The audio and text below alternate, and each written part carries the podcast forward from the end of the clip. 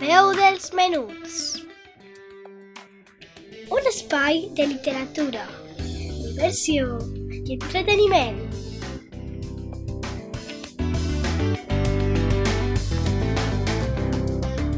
Amb Laia Esteve.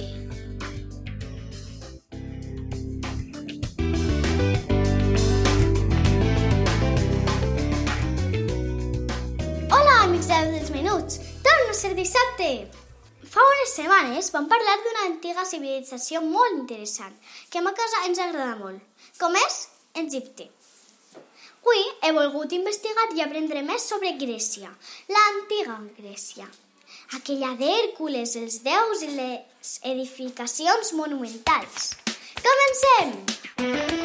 L'antiga Grècia és el període de la història de Grècia que té prop d'un mil·lenni fins a la mort d'Alexandre Magni.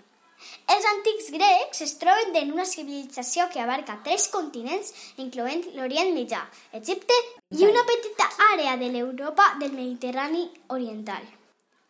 És considerada la base més important de la cultura occidental. Va tenir una influència poderosa en l'imperi romà i ha seguit influint durant molts anys.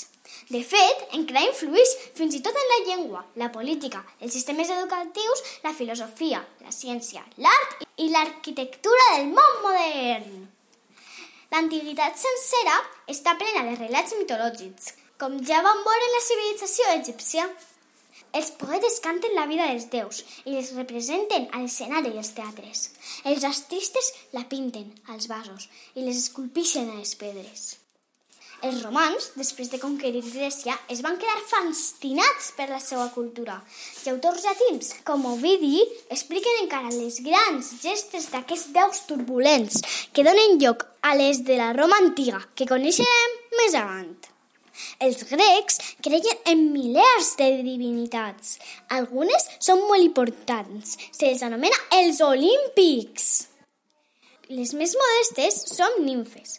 Viuen a les roques, als boscos i als rius. També hi ha criatures monstruoses, que val més que no ens trobem pel camí. Els principals déus vivien a l'Olimp, una muntanya. Per això se li anomena Olímpics. Zeus és el seu rei i els mana. Però es barallen sovint entre ells i les seues aventures sempre són interessants, de vegades tràgiques. Els déus grecs poden veure tot el que passava a la Terra i de vegades s'apareixien entre els humans. Algunes vegades per ajudar-los, altres per bonegar-los i altres per a seduir-los. Vaig sustos! Hades és l'únic que no viu a l'Olimp, perquè viu a l'infern, allà on viuen els morts. Com ja hem dit, Zeus és el rei dels déus, el que mana. Dionís no és un déu com la resta, perquè és el fill d'un déu i una mortal. És el déu de la bogeria i la joia. Per la seva banda, Atenea és la guerrera, una de les deeses més espectaculars i respectades. Fa servir més la intel·ligència que la força bruta. Sempre dona consells que ajuden a millorar la seva civilització. Apolo té molts talents.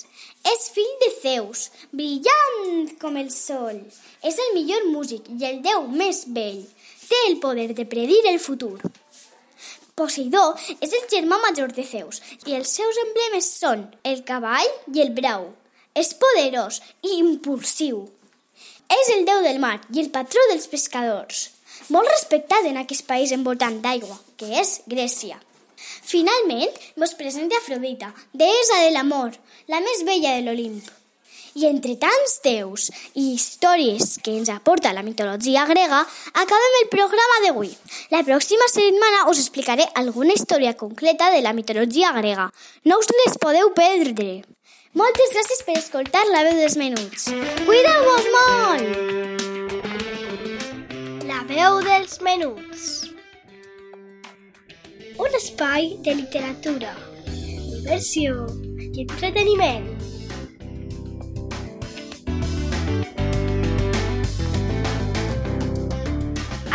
Amb Laia Esteve.